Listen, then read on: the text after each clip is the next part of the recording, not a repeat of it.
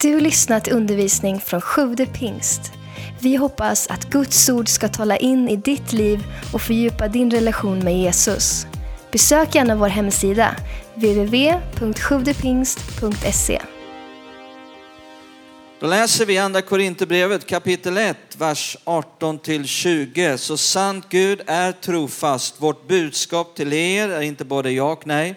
Guds son Jesus Kristus som vi har predikat hos er, jag och Silvanus och Timoteus, han kom inte som både ja och nej, utan i honom har det kommit ett ja. Är du glad för ja? Alla Guds löften, alla Guds löften har i honom fått sitt ja. Så när du ber, då vet du att Gud säger ja direkt fanns han sa ja för 2000 år sedan i Kristus. Därför får de också genom honom sitt amen. Det måste bli ett amen. Därför tar jag upp lite jamen och lite nämen tills det blir ett amen. För att Gud ska bli ärad genom oss. Vi har ju ett grymt sommartema här som har löpt under tio veckor och också idag och också nästa söndag. Alla Guds löften, vägen in i löfteslandet. Om du inte var här eh, den eh, 16 juni så gå gärna in och lyssna på vår podcast eller Spotify. Eh, för där lägger jag en grund för hela det här temat. Kan rekommendera det att du får med dig den grunden. Och jag älskar det här temat. Det har varit ett väldigt värdefullt tema under den här sommaren på många sätt och vis. Och idag så har vi kommit fram till löftet om ekonomisk välsignelse. Och jag vill bara att vi ska se två saker idag. Det ena är hur enormt stora Guds löften är i Bibeln på just det här området. Hur löftesrik Bibeln faktiskt är i detta. Jag vill bara att vi ska se det. Jag är inte här för att nyansera upp allting, utan bara se Guds löften precis så som de står och tugga på det. Och sen ska vi se lite villkor också som eh, finns där för att vi ska få uppleva det här i våra liv. Men vi börjar i femte Mosebok 28. Så ska vi se Guds löften både i gamla och nya testamentet. Eh, först av allt här i gamla testamentet, femte Mosebok 28. Från vers 2, håll i dig. Håll i grannen så att inte de trillar av bänken. För det här är grejer. Titta här nu från vers 2. Och alla dessa välsignelser ska komma över dig och nå fram till dig när du lyssnar till Herren din Guds röst. Välsignad ska du vara i staden, välsignad ute på marken. Välsignad ska ditt moderlivs frukt vara och din marks gröda. Det är din boskap föder dina kors kalvar och dina tackors lamm. Alla bönder sa amen. Välsignad ska din korg vara och välsignad ditt baktråg. Välsignad ska du vara när du kommer in och välsignad ska du vara när du går ut. När dina fiender reser sig mot dig ska Herren låta dem bli slagna inför dig. På en väg ska de dra ut mot dig, men på sju vägar ska de fly för dig. Herren ska befalla sin välsignelse att vara med dig i dina förråd och i allt det du företar dig. Han ska välsigna dig i det land som Herren din Gud ger dig. Han ska upphöja dig till ett heligt folk åt sig, så som han med ed har lovat dig, om du håller Herren din Guds bud och vandrar på hans vägar. Och jordens alla folk ska se att du är uppkallad efter Herrens namn och respekterar dig. Herren ska ge dig överflöd, kan alla säga överflöd? Av allt gott. Barn, avkomma från boskapen och gröda på marken i det land som Herren med det har lovat dina fäder att ge dig. Herren ska öppna för dig sitt rika förrådshus, himlen, för att ge regn i rätt tid åt ditt land och välsigna alla dina händers verk. Du ska ge lån åt många hedna folk, men själv ska du inte låna av någon. Herren ska göra dig till huvud och inte till svans. Du ska bara vara över en del av dem säger jag överlever, men det finns en sak som är bättre och det är att leva över. Du ska bara vara över och aldrig vara under om du lyssnar till Herren din Guds bud som jag idag ger dig för att du ska hålla och följa dem. Alltså när man läser den här texten så måste man bara konstatera att Gud är överflödets Gud. Han tänker överflöd och han vill att varje människa ska få uppleva överflöd och leva i det. Det vi läser om här det är ju förbundets välsignelser, det är ju lagens välsignelser som vi läser om, som de skulle få uppleva om de höll lagen, om de höll förbundet, om de gjorde allt vad Gud sa. Om man sen läser från vers 15 i det här kapitlet och 50 verser framåt så kommer förbannelser. Lagens förbannelser som skulle komma över dem om de bröt förbundet och inte gjorde vad Gud sa och inte höll lagen. Eh, och de förbannelserna kan man summera i två ord, 50 verser i två ord, sjukdom och fattigdom. Eh, och det som var en förbannelse i gamla testamentet, det blir inte plötsligt en välsignelse i nya testamentet. Utan det är och förblir en förbannelse. Men jag är väldigt glad för Galaterbrevet kapitel 3. Är du här idag?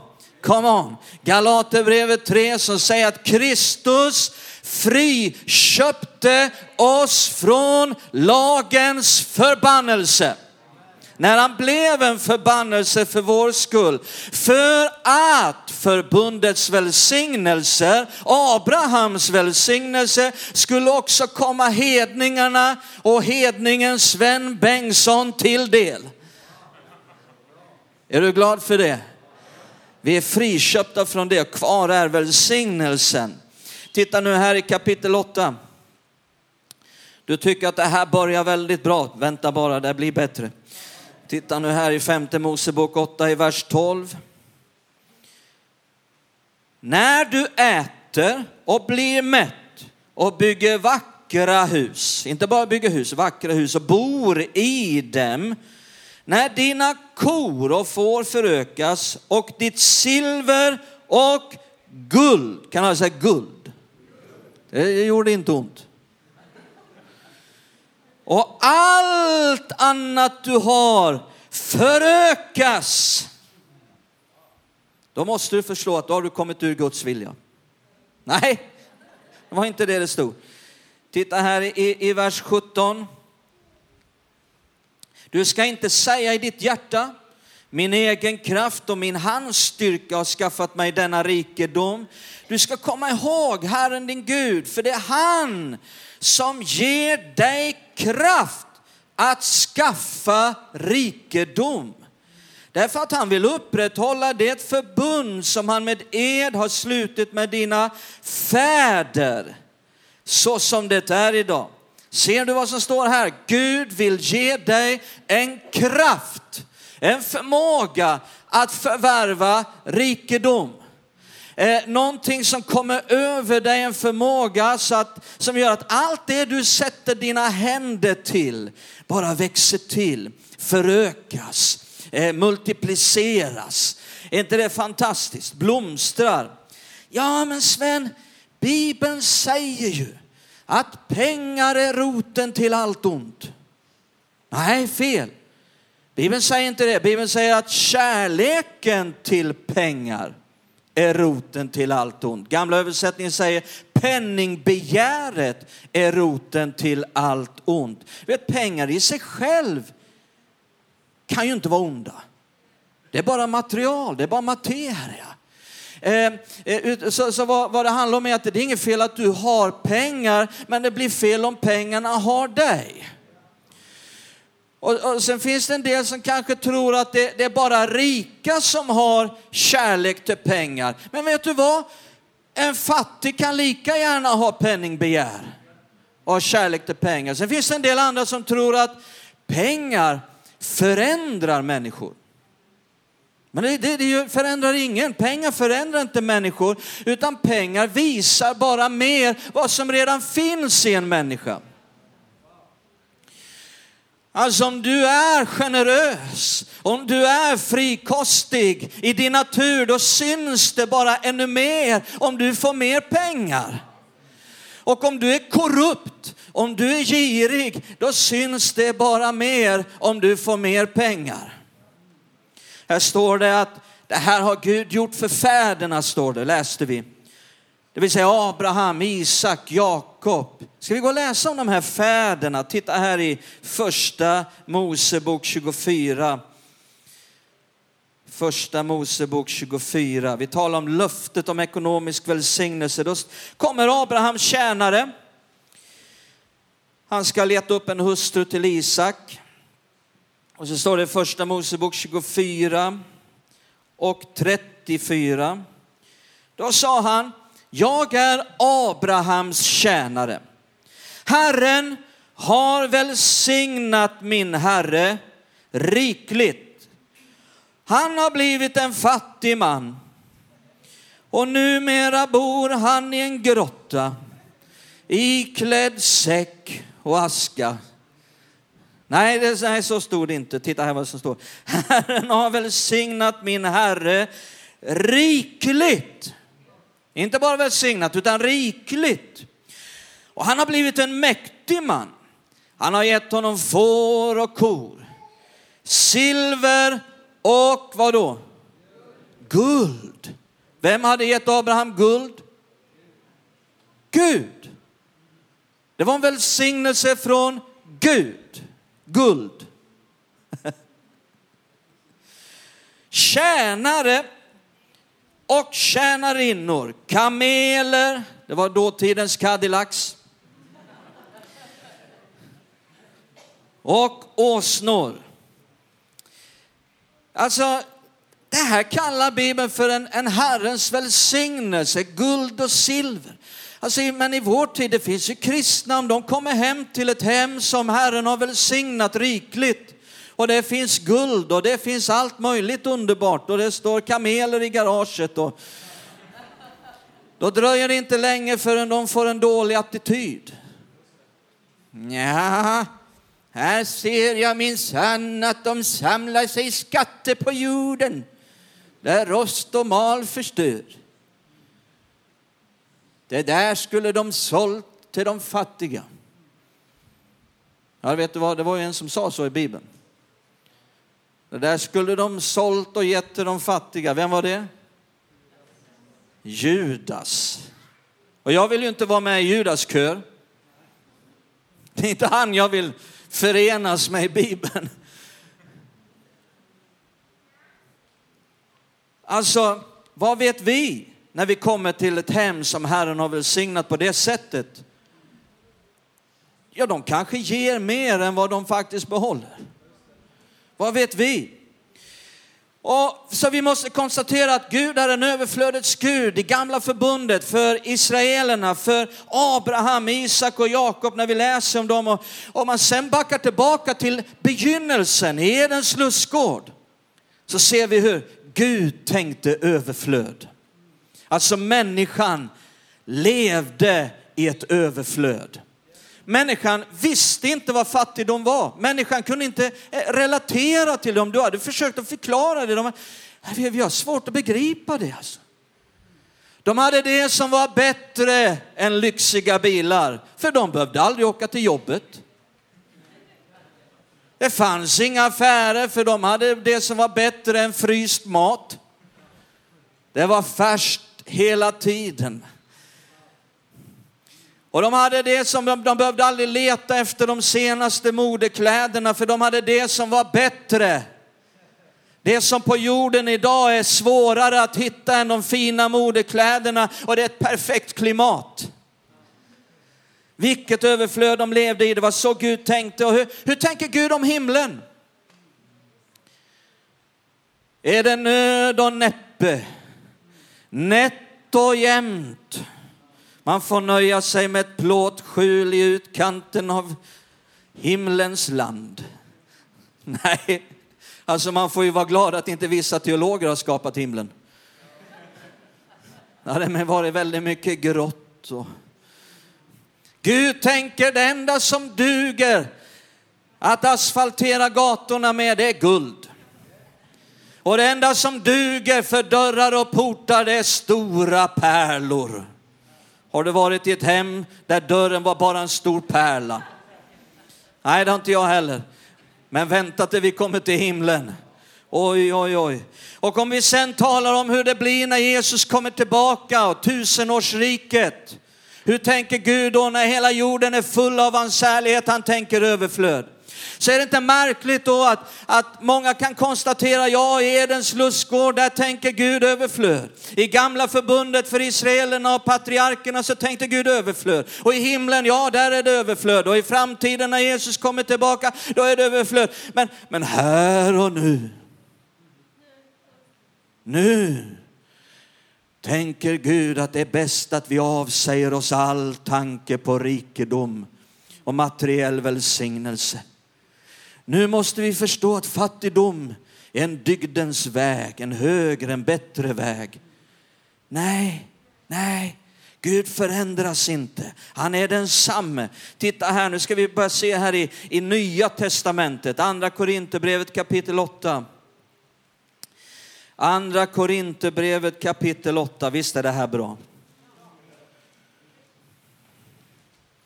En del blir oroliga när man börjar predika så här, men jag har aldrig fattat varför man blir orolig. Det här är ju ett jättebra budskap.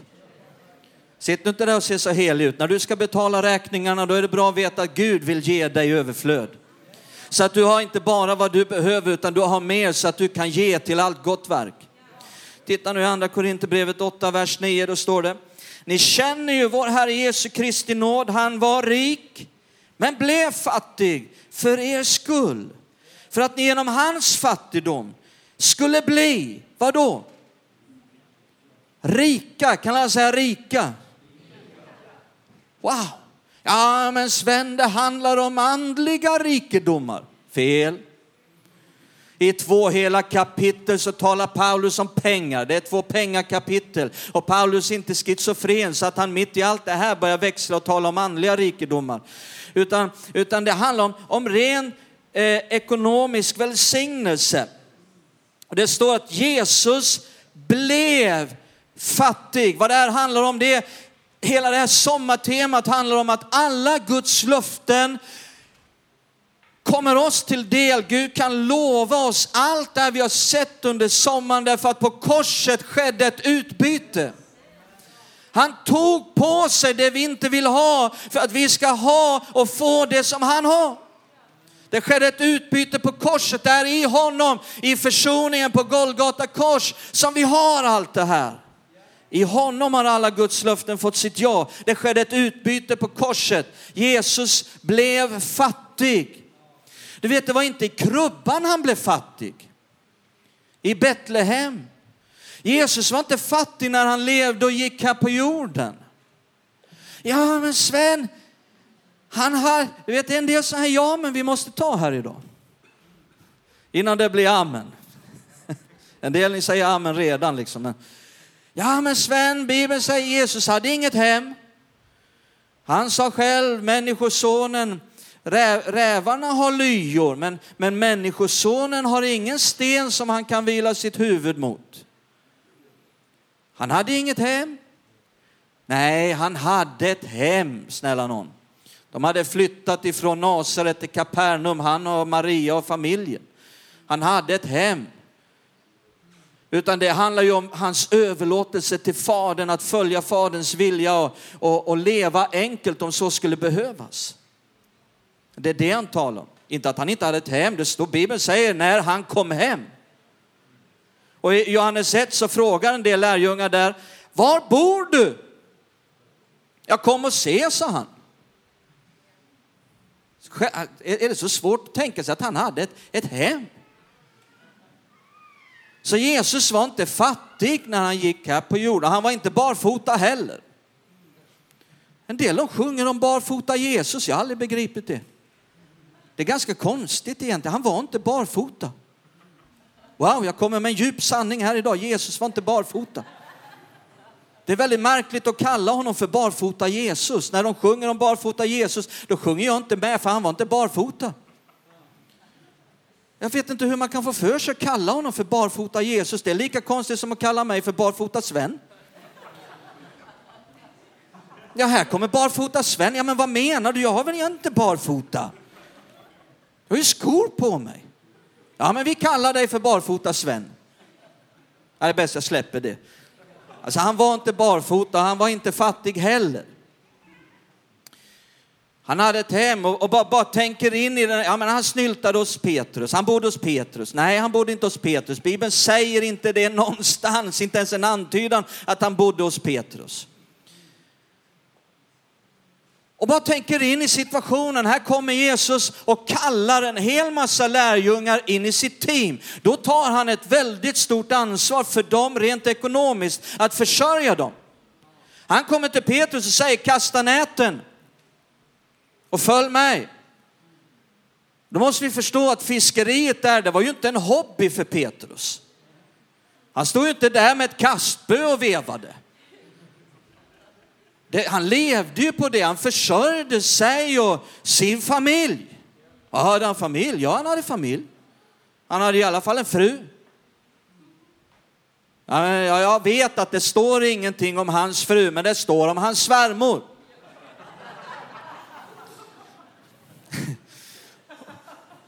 Ja, men man får ju inte svärmor hur som helst. Jag har aldrig sett någon som sätter in en kontaktannons, svärmor sökes. Jag vill bara ha en svärmor. Jag vill, jag vill inte ha någon fru. Svärmor är bra. Ja, det är väldigt bra med svärmor, det tycker jag också. Det, det är fantastiskt. Va? Men det, det, vill du ha en svärmor måste du gifta dig. Så är det bara. Ja. Eh, så, så, så, han tog ju på sig en försörjning, att försörja Petrus svärmor och fru och, och, och, och för ett helt team. Alltså, han tar på sig ett stort man kan inte vara fattig om man ska göra det. Och Bibeln talar om hur den försörjningen gick till och hur de fick intäkter och att det faktiskt fanns en kassa. Och det fanns en kassör. Vad hette han? Judas. Vad brukar han göra? Han brukar stjäla ur kassan. Och jag tänker mig att det måste vara en ganska rejäl kassa om inte de andra lärjungarna skulle märka när han stal. Om kassan är en gammal plåtburk med två mynt i botten liksom, skrammel, skrammel. Och så tar någon ett mynt. Då märks det, eller hur? Vem har tagit ett av våra två mynt? Nej, det var så mycket pengar, det var sån stor kassa så han kunde liksom roffa åt sig lite utan att de andra lärjungarna märkte det. Och sen när Jesus dog, vad gjorde de med hans kläder? Ja, vad ska vi göra med den här gamla illaluktande lumpen? Det är nog bäst att vi kastar det och bränner upp. Nej, det var så dyrbara kläder. De var värda så mycket så varje soldat ville ha det och de fick enas om att vi kastar lott om de här kläderna. Så Jesus var inte fattig när han gick på jorden. Han blev fattig på korset. Helt utblottad. Varför då? För att vi genom hans fattigdom skulle bli, vad då? Rika. Och titta ännu mer här i kapitel 9 från vers 6. Men tänk på detta, den som sår sparsamt får skörda sparsamt och den som sår rikligt får skörda rikligt. Var och en ska ge vad han har bestämt sig i sitt hjärta, inte med olust eller tvång, för Gud älskar en gladgivare. Han håller ett insamlingstal här. Och sådd och skörd handlar om givande och att också bli en skörd, att Gud välsignar tillbaka när vi ger. Och titta, vad, här kommer löftet i vers 8. Och Gud har makt att ge er all nåd i överflöd. Kan man säga överflöd? Så att ni alltid och i allt har nog av allt och kan ge i överflöd. Kan man säga överflöd? Till varje gott verk. Alltså man måste, det krävs ju den helige ande för att bara skriva en sån vers. Alltså hur många gånger står det inte all och allt och två gånger överflöd? Wow. Och titta då, men villkoret hittar vi i vers 9. Skriften säger han strör ut, han ger åt de fattiga, hans rättfärdighet består för evigt. Och titta nu vers 10. Han som ger såningsmannen säd till att så. Vem är såningsmannen? Det här, det här är symboliska termer. Vad, vad betyder såningsman? En som ger. Är ni med? Han talar om sådd och skörd som symboliska termer för givande och mottagande. Är ni med? Så vem ger Gud säd? Och vad är säd? Pengar. Eller är ni med? Den som så rikligt ska få skörda rikligt, den som sår sparsamt ska få skörda sparsamt. Så, så det här handlar om att, att Gud ger en viss kategori människor säd. Så att de kan så, så att de kan ge till varje gott verk. Han ger det inte till alla. Han ger det till såningsmän. Det vill säga givare. Frikostiga, generösa givare börjar Gud förse med pengar. Titta nu vad som står vidare. Eh, Säd att så, bröd till att äta. Han tar också hand om dig så att du kan äta, så att du har allt vad du behöver, men du kan också ge. Han ska ge er utsäde och mångdubbla det och låta er rättfärdighet ge god skörd. Titta nu vers 11. Då blir ni rika. Kan jag säga rika? Wow. På allt och det måste betyda fysiska materiella pengar. För titta vad det står, kan vara generösa i allt. Och det väcker tacksamhet till Gud när vi överlämnar gåvan. Så även i nya förbundet så hittar vi att Gud ger löfte, inte bara om nätt och jämnt, bara så du har precis vad dina behov är mötta, utan löfte om rikedom, om överflöd. Ja men vad menar du svenska, vi alla bli multimiljonärer? Nej, det är inte det jag säger. Utan vi måste förstå definitionen på ordet rik. En, en, definition som fungerar på alla platser, i alla sammanhang, i alla tider, överallt, i alla kontexter.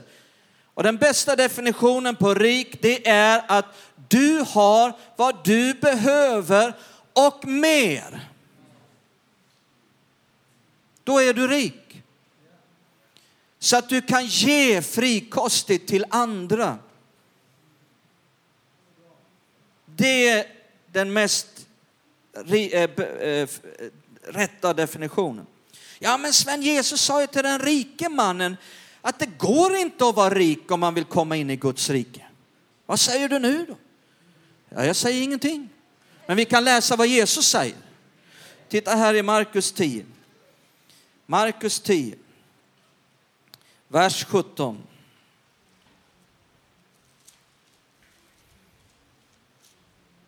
Alltså om vi inte har sett stora löften än så, wow, här kommer det rikt, ordentligt. Markus 10 från vers 17. När Jesus skulle vandra vidare sprang det fram en man som föll på knä för honom och frågade, gode mästare, vad ska jag göra för att få evigt liv? Jesus sa till honom, varför kallar du mig god? Ingen är god utom Gud. Och så, så räknar han upp eh, buden här och så kommer det nu i vers 20. Mannen sa, Mästare, allt det här har jag hållit sedan jag var ung. Jesus såg på honom med kärlek och sa, ett saknar du. Gå och sälj allt du äger och ge till de fattiga så kommer du att ha en skatt i himlen. Kom sedan och följ mig. Vid de orden mörknade mannen och gick bedrövad bort för han ägde mycket. Jesus såg sig omkring och sa till sina lärjungar, hur svårt är det inte för de som har pengar att komma in i Guds rike? Lärjungarna blev förskräckta över hans ord, men Jesus sa det än en gång, till dem, mina barn, hur svårt är det inte att komma in i Guds rike? Det är lättare för en kamel att komma igenom ett nålsöga än för en rik att komma in i Guds rike. Det vill säga, det är omöjligt.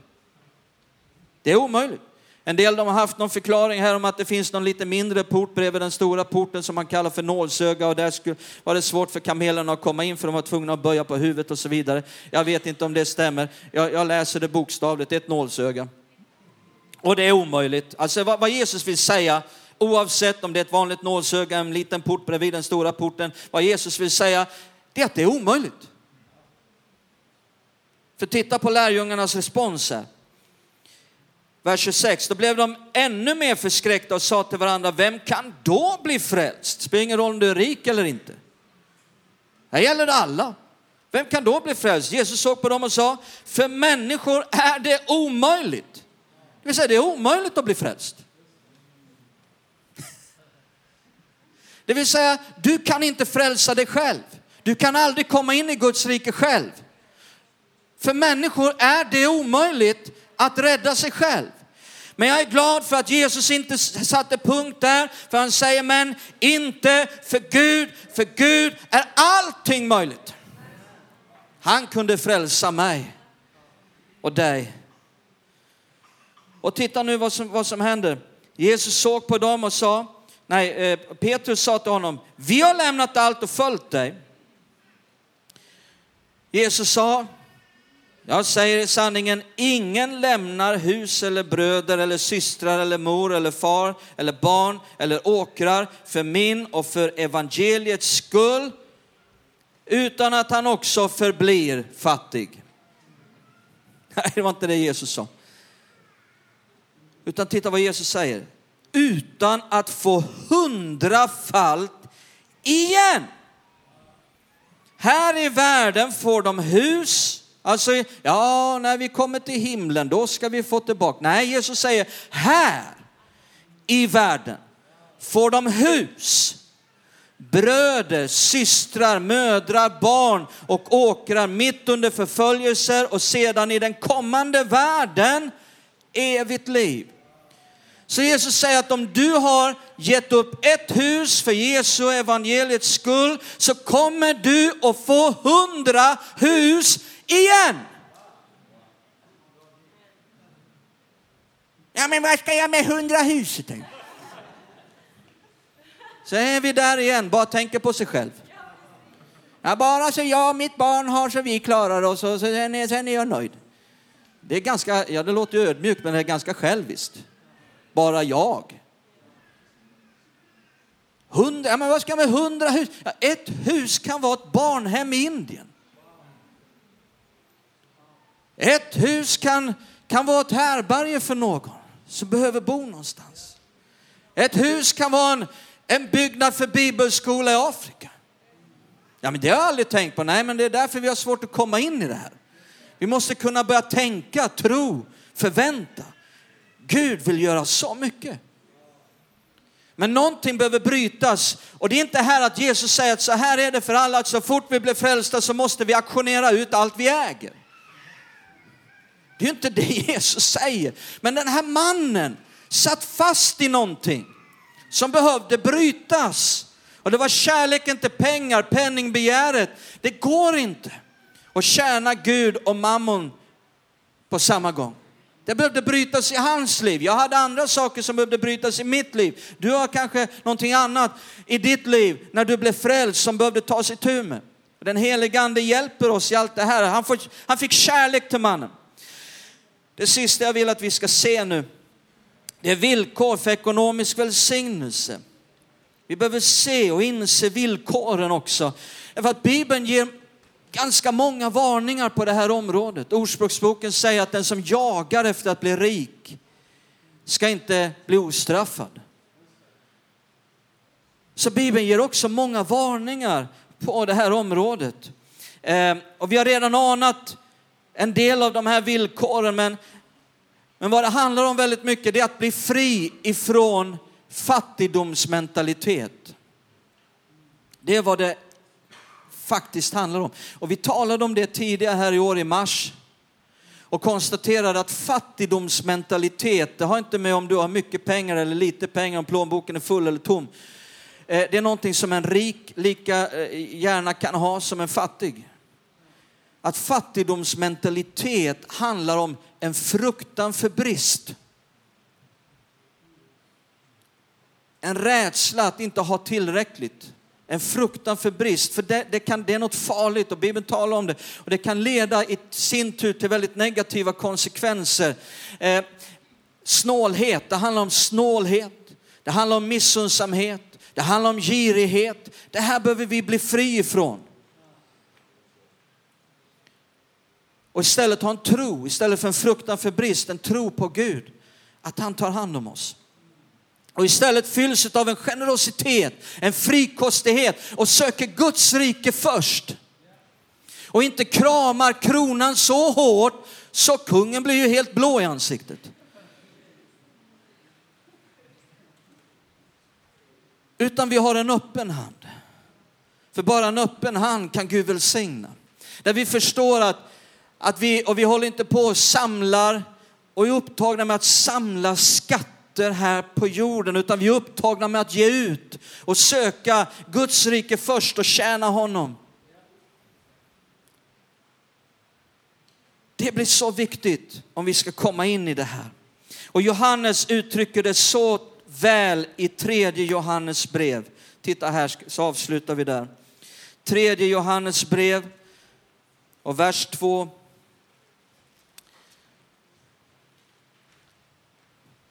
Älskade broder, jag hoppas att det går väl för dig på alla sätt och att du är frisk, liksom det är väl med din själ. Här uttrycker Johannes för Gaius vad som är Guds önskan för alla sina barn. Att det går väl för dig på alla sätt och att du är frisk. En önskan om välgång i hela livet och att få vara vid god hälsa. Men lägg märke till att Johannes säger, liksom det är väl med din själ. Liksom det är väl med din själ, inte väl med din ande, utan väl med din själ. På grekiska psyke. Det handlar om ditt sinne, det handlar om den mentala, den psykiska dimensionen. En välgång i det inre. Så vad Gud önskar, det är en välgång i det yttre som står i paritet med välgången i det inre. Gud vill inte ge dig en, en välgång i det yttre om det inte finns en välgång i det inre. Och finns det en välgång i vårt inre så bäddar det för och öppnar för att Gud också ska kunna ge en välgång i det yttre. Alltså det finns ju det finns ju kristna, om Gud gav dem 10 miljoner då skulle de avfalla på Bahamas imorgon. Vad skulle du göra? Hur är det med, med ditt hjärta? Vi talar nu inte här om, om, om, eh, om psykisk hälsa och de bitarna, utan mera en, en, att Gud får ha vårt hjärta, vår själ. Att det inte finns de här bitarna av snålhet, girighet, missundsamhet i vårt inre. Utan en frikostighet, en generositet, en frihet från penningbegär. En, en, att söka Guds rike först och tjäna honom. Då finns en välgång i vårt inre som bäddar för en välgång i det yttre. Tack för att du lyssnat. Glöm inte att du alltid är välkommen till vår kyrka. Du hittar mer info på www.sjuvdepingst.se